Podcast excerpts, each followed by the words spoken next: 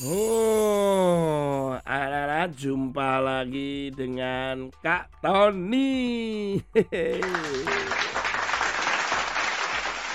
Kalian kalau melihat panda, kira-kira ya seneng apa, takut apa, mungkin kalian menganggap itu lucu gitu.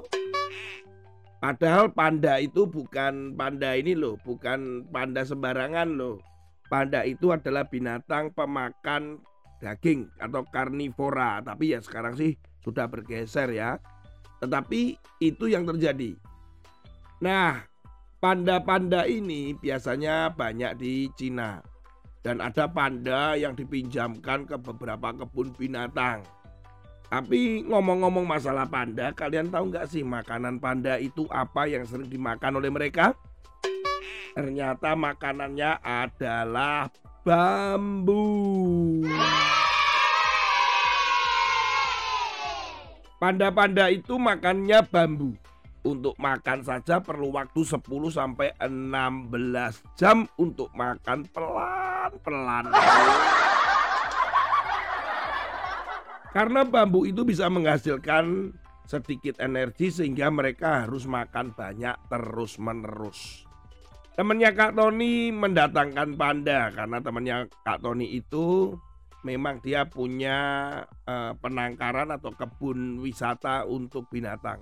Jadi dia mendatangkan panda dari Cina. Sebelum itu dia harus menyediakan lahan yang penuh dengan batang-batang bambu. Tepatnya rebung bambu. Dan dia berkata bahwa sulit sekali. Panda ini cara makannya, jenis makanannya, itu sangat sulit katanya. Bahkan sangat ekstrim. Panda itu kalau makan satu batang bambu, daunnya sedang dimakan, batangnya sedang dimakan, sedikit saja, eh tiba-tiba dia sudah pindah ke batang yang lain. Jadi nggak sampai tuntas makan batang bambunya. Jadi akan berpindah-pindah, pindah-pindah begitu. Jadi harus disediakan lahan di mana banyak rebung bambu muda di situ yang siap dimakan oleh panda itu. Ini gambaran daripada ya serakah sekali sih panda ini nggak pernah bilang cukup. Pokoknya makan terus Apakah kalian mau memelihara panda? Untuk memenuhi kebutuhan tubuhnya saja, si panda ini bisa makan 9 sampai 18 kilo bambu loh anak-anak.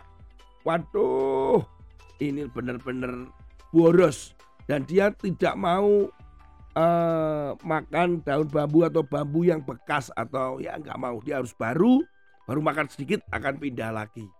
Waduh, akan habis banyak bambu dan banyak biaya.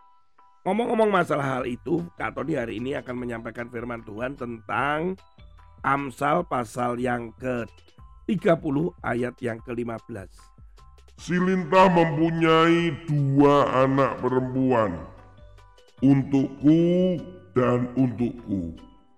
Ada tiga hal yang tak pernah akan kenyang, ada empat hal yang tak pernah berkata cukup. Ayat ini mengajarkan kita sebagai anak-anak Tuhan bahwa kita itu tidak egois. Lihat itu yang pertama tadi. Ada dua lintah, ada dua anak. Yaitu namanya untukku dan untukku ya. Kalau bahasa Inggris jelas ya for me and for me gitu loh. Kalau kalian ya dalam lihat adikmu, lihat siapa gitu ya, kamu lihat adik yang masih kecil. Sering kali ngomongnya selalu ku, ini untukku, punyaku. Coba tanya gini, mainannya dia sama mainanmu bagus mana? Mainanku. Makanannya enak mana? Makananku. Bajunya bagus mana? Bajuku. Semuanya ku ku ku ku ku ku ku ku, ku gitu ya. Nah, itulah yang dimaksudkan bahwa itu egois, berpusat pada dirinya sendiri. Nah itu kalau sudah besar seperti kalian, itu sudah nggak boleh. Karena berpusat bukan pada diri sendiri, tapi mulai belajar berpusat dengan memperhatikan orang lain. Aku pokoknya. Gilirannya siapa? Aku. Kemudian siapa yang mau duduk yang paling enak? Aku, semuanya aku. Dan itu yang menyenangkan diri kita, memuaskan diri kita, itu egois. Hati anak-anak, benar seperti panda. Yang artinya gini, makananku, pokoknya aku makan sedikit gak apa-apa makan yang lain. Aku makan pelan-pelan. Kalau tidak diberi makanan yang enak, aku nggak makan. Ya gitu. Aku, aku, aku, aku, aku. Panda itu seperti itu. Maukah kalian jadi seperti panda? Ayo belajar untuk memperhatikan dan lebih melihat orang lain. Utamakan orang lain lebih penting daripada diri kita. Mari kita belajar sama-sama jangan jadi egois. Tuhan Yesus memberkati. Sampai ketemu dengan Kak Tony di episode yang lain. Amin.